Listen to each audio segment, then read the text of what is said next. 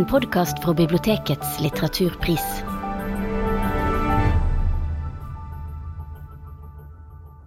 Hei og hjertelig velkommen til denne podkasten. Vi skal presentere én av de ti bøkene som er nominert til Bibliotekets litteraturpris 2022. Prisen deles ut til en bok utgitt på norsk de siste fem årene. Og bibliotekarer fra åtte av Norges største bibliotek har stemt de nominerte frem. Og nå trenger vi deg. På nettsiden vår kan du stemme frem din favoritt innen 24. oktober. Du kan òg spørre om mer informasjon på ditt nærmeste bibliotek, og sist, men ikke minst, låne de nominerte bøkene der. Og i denne podkasten kan du bli bedre kjent med en av de nominerte. Vi skal diskutere Malin C.M. Rønning sin fantastiske debutroman 'Skabelon'. 'Skabelon' er en merkverdig og sanselig roman om livet til Urd, et barn som bor med familien sin på en øde plass dypt inne i skogen. Hun er ensom til tross for sin plass i en søskenflokk på åtte. Vi følger Urd fra hun er fem år til hun er tenåring, og gjennom hun opplever vi på den ene siden omsorgssvikt, fattigdom og samfunnet sitt dømmende blikk, og på den andre siden den rike, mangfoldige og fantasirike verden Urd finner i naturen. Og jeg er Hanne Remsing Sæverås fra Bergen offentlige bibliotek. Og med meg for å diskutere skabellon har jeg Monica Blegvard fra Bærum bibliotek og Veronica Talgø fra Trondheim bibliotek. Så da vil jeg bare spørre dere for å starte her.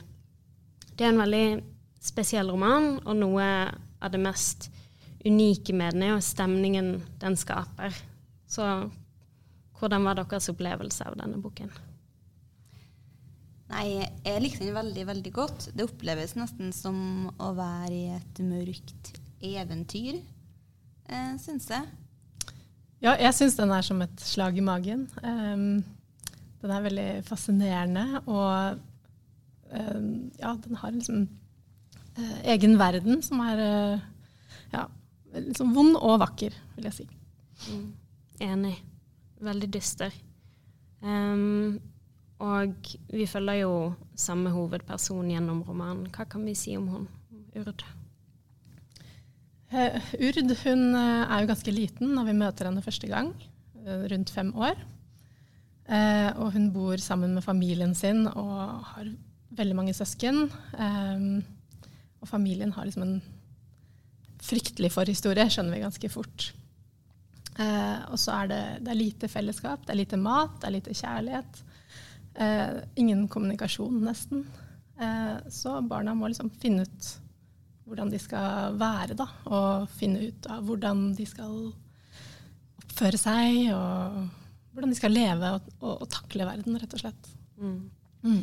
Ja, romanen er jo fortalt ut ifra Urd sitt eh, perspektiv. Så det er jo et veldig ungt barn eh, som forteller oss eh, sin historie her. Og vi blir jo med opp på første skoledag, eh, og hvordan det er for henne når alle andre har med seg foreldrene sine, eh, og, hun, og hun aldri har med noen av sine egne. Og så er det jo veldig, van veldig, vanskelig og veldig vondt å lese når eh, Hun har jo sju søsken, og mange av dem går jo òg på samme skolen. Og så blir hun jo så lykkelig når hun tenker på det at å, heldigvis er det jo noen andre her i skolegården som jeg kjenner, jeg, men så merker hun at søsknene de hilser ikke tilbake ja. på skolen. Så tenker hun at åh, er vi én og én her også? Det synes jeg er veldig beskrivende eh, for denne romanen, og veldig ja, si mye. Bare en av mange koder hun må lære seg underveis. Mm, men også, altså, hun har jo veldig kontakt med naturen, da, så er, jeg føler at det liksom redder henne på, noen, på, et vis. At hun blir sterk gjennom den kontakten. Mm. Ja. Er det en slags virkelighetsflukt, vil jeg si? Jeg føler at det er romanen det? Uh, jeg tenker at det nesten er det motsatte. At hun liksom finner ut av hvordan hun skal klare seg selv. Da. At det er egentlig ganske sånn realistisk, akkurat det. Mm. Ja, at hun, hun, har jo bedre kunnskap om naturen og om skogen enn hun har om de sosiale reglene både på skolen og i familien og i samfunnet. Mm. De er jo åtte søsken, men vi har jo også en eh, veldig fraværende mor som tar lange bad om dagen, og en fraværende far som er borte mange måneder om gangen. Eh, hva kan vi si om denne familien? Hva er det som gjør den så spesiell? Det er jo nesten som en sånn omvendt uh, 'mormor og de åtte ungene i skogen'-aktig historie her. Bare at uh, den, uh, det huset i skogen her er veldig veldig langt unna allfarvei, og det er ingen som kommer dit. Og det er ikke så veldig mye lykke å spore der. Alle de her søsknene er overlatt mye til seg sjøl. Og til tross for at de er mange som er overlatt til seg sjøl, så finner de ikke så mye fellesskap i hverandre heller. Um, så det er en ganske dysfunksjonell familie, vil jeg si. Og mora hun er jo hjemmeværende, hun er jo hjemme hele tida. Men likevel så virker det som at ingen av barna får noe sterk kontakt med noen av foreldrene eller søsknene sine. Mm. Ja, det er veldig taust i huset, da. Også samtidig så får moren liksom det ene barnet etter det andre. Um, og det virker som at det liksom gir henne en glede, men når eh, babystadiet er over, så må de klare seg selv. Til tross for hvor fysisk tette de må være, så er det en enorm avstand mellom de. Um, og så er det jo også flere familiekarakterer. Vi har en eh, morfar og en mormor, eh, bl.a. veldig anstrengt forhold der, eh, og samfunnet rundt. Og i måten Urd beskriver de relasjonene, så får man jo inntrykk av at det er en mørk tematikk under overflaten. Synes dere også det? Ja, absolutt. Det er jo fattigdom, uh, og det er noe vold. Uh, kanskje noe seksuell vold. Uh, noe som vi ikke får egentlig vite så veldig mye om, men det er veldig mørkt av det som ligger bak. Um, og samfunnet fanger ikke opp dette. Det er liksom helt, eh, de, Samfunnet rundt snakker veldig mye om familien. Det er det eneste vi vet. Men det skjer på en måte ikke noe. Kommer ikke noe ut av det. Mm. Det er veldig godt beskrevet og hvor eh, f.eks. første gangen når hun møter eh, det som er mormora si, så sier hun å ja, det heter mormor. Eh, for mm. så lite kontakt har hun faktisk med omverdenen at hun kjenner ikke til Eh, hun, har, hun, har, aldri møtt mormora si, og på det tidspunktet så er hun vel kanskje en ti år. Eh, så jeg syns eh, Malin Rønning er veldig flink til å bruke det her barneperspektivet eh, til å fortelle oss eh, eh, om familien på en måte som, ja, som, på en måte som er veldig unik. For ofte denne type bøker bruker ofte et litt annerledes språk. Og jeg syns òg det er veldig fint når, hun, når Urd hun stiller veldig mye spørsmål eh, gjennom boka, men det er aldri spørsmålstegn etter spørsmålene, som om hun vet at det er uansett ingen som kommer til å hjelpe henne eller svare henne eh, på de her spørsmålene. Mm, mm. Ja, også det der med at hun oppdager at hun har en mormor, og at det er liksom mammas mamma. Det er, det er første gang hun oppdager det. Altså, og det er noe helt nytt. da, at uh, moren hennes faktisk har en egen mor. Uh, og det er veldig sånn gjennom hele boka, egentlig, at det, det er ting hun oppdager som, som, er helt nytt for henne, og det, det, er så godt beskrevet. Bare normer og regler som man må bruke i verden. Uh, det er en scene, en middagsscene der Urd og en av brødrene tror jeg forsyner seg litt for fort med mat når de har et sjeldent besøk, og så ser hun et stramt smil hos eh, moren, og så tenker hun sånn Å, det betydde noe. Men hva var det det betydde? Det er på en måte sånn eh, Det er noe som mangler mellom Urd og verden, som hun ikke har fått. Ja, og som hun sjøl merker at hun mangler. Eh, hun er veldig bevisst på at det er ting hun ikke skjønner, og prøver å lære det av, søsknene sine. Hun ønsker jo bl.a. at storebroren skal starte en egen skole for de her søsknene eh, som ikke skjønner eh, de sosiale kodene. For hun er veldig bevisst på at det er noe hun mangler nå, og kanskje kommer til å mangle i framtida hvis hun ikke, ikke, får grep på det. Um, det er jo også andre måter vi kan beskrive den på, eller den har blitt omtalt som gotisk og romantisk. Eller mørkt romantisk. Romantisk blir kanskje litt eh, for mildt om denne boken. Um, er det noe dere har kjent igjen? Det gotiske eller romantiske er vel eh, Hvis man kan finne det i boka, så vil jeg jo si at det har liksom med forholdet til naturen å gjøre. Eller det forholdet Urd har til naturen. Eh, at hun snakker med dyrene, eller hun forsvinner inn i stammen på et tre når hun føler seg truet. Um, den kontakten hun føler at hun har med dyr, da, uh, at hun kjenner dem. Uh, hun har vært inn i hulen deres, og det er litt sånn uklart om det har skjedd, eller om det er noe hun måtte forestiller seg. Um, ja, jeg tenker det er vel kanskje ikke romantisk, men i hvert fall sånn, noe som går litt utover det realistiske, da.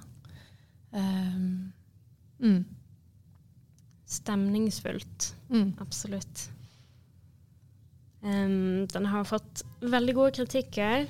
Um, I en anmeldelse av Christian Dorff blir den uh, Eller han skriver at det er i spennet mellom rå sosialrealisme og et poetisk flimrende barneperspektiv at rønningsprosa blir til. Og man kan jo si at eh, de sosiale problemene som blir beskrevet eh, at det blir gjort på en ganske utradisjonelt måte, for det er jo et veldig poetisk språk her. Ja, ja. Mye, vi undrer mye sammen med Urd, eh, og vi er jo med, med henne i mange reiser. Og så er det jo mye mystikk i denne boka, og det er vanskelig å vite om denne mystikken er fordi at hun er et barn, eller eh, om det bare er antydninger. Men hun, eh, hun tenker jo at hun kan gå inn i drømmene sine, eh, f.eks. Uh, hun sier jo òg at hun kan gå litt fram og tilbake i 'Jeg skal ikke være i framtida nå'. uh, sånn at uh, det er hele tida en sånn dimensjon av noen mørke skygger og noe overtro også, som ligger og ulmer i fortellerteknikken her. Og det er noe av det som jeg syns gjør den så glitrende og unik. da. Og så er det veldig sånn eh, konkret, da. Altså, vi har jo hørt sånne fortellinger eh, fortalt liksom, opp og i mente, og det kan, liksom, det kan, lett føre til at man ikke hører etter. Men nettopp det at vi får hennes veldig sånn direkte perspektiv, så hører vi etter, og vi blir veldig berørt. Eh, fordi hun, eh, altså Urd, hun, eh, hun, beskriver jo ikke det hun opplever. Eh, eller tillegger det noen verdi. Hun dømmer det ikke, hun bare tar det inn. Eh, på en måte, Jeg syns det, det, fungerer veldig, veldig bra. Veldig mm. umiddelbart. Ja. Men um, for de som liker skabelon allerede og har lyst til å lese noe annet som ligner, um, eller de som ikke har lest den og um, lurer på om den er noe for de, kan den sammenlignes med noe annet som allerede fins? Jeg syns den ligner veldig på Sara Stridsbergs bøker, og, og, kanskje den siste 'Kjærlighetens Antarktis'. I hvert fall stemningen da, mm. eh, ligner veldig mye. Eh, det er liksom rå og brutale. Ja, som ikke er eh, liksom verdibelagt, det er bare fortalt veldig direkte. Ja. Mm. Den er også nominert. Ja. Veronica? Ja, jeg syns òg kanskje at den uh, kan passe for dem som likte uh, 'Farvel til Lady Belguel' av Edouard Louise, tenker Absolutt. jeg. Absolutt. at kanskje, og det er jo på en måte en oppveksthistorie og et familieportrett også. Så tenker jeg at det er en bok som passer godt for dem som liker godt å lese litt uhyggelige bøker, og som liker, liker det litt annerledes språkmessig også. Jeg tenker også sånn, til, Hvis man liker å lese eller lære om den menneskelige psyken, så, så, er denne boka veldig passende. Også, også, kanskje for lesere som har opplevd noe lignende. Da. Jeg tenker Omsorgssvikt behøver ikke bare bety at man mangler mat og klær. Det kan jo bety at man har manglet empatisk tilstedeværende, omsorgsfulle voksne eh, i livet sitt når man var barn. Mm. Mm. Jeg tenkte også på Louis. eh, men òg Agota Christov sin trilogi om eh, tvillingene Klaus og Lukas og deres og mekanismer eh, for å overleve gjennom krigen og eh, fortellingene og løgnene som springer ut fra det. Um, siste, og kanskje litt kort med tanke på tiden, kan Skabelon vinne bibliotekets litteraturpris? Ja, jeg tror egentlig det. Jeg hadde ikke lest uh, denne romanen på forhånd. Jeg leste den pga. at den uh, var nominert. Og det er jo en uh, debutroman. Og den overraska meg veldig, veldig gledelig. Så jeg tror uh, det kan skje med mange. Ja, jeg, synes, altså jeg mener at denne bør vinne. Jeg synes den, den, tok meg så veldig. Jeg, jeg, tror, jeg, tror, absolutt den har potensial til å vinne. Helt klart. Den fortjener absolutt mer oppmerksomhet, og den var så uheldig å komme ut midt under pandemien, så jeg synes alle burde gi den en sjanse. Um, ja, det var Skabelon. Uh, med det må jeg si takk for oss. Takk til Monica og Veronica. Og til deg, lytteren. Du kan nå stemme på din favoritt på biblioteketslitteraturpris.no, og låne de nominerte bøkene på ditt lokale bibliotek.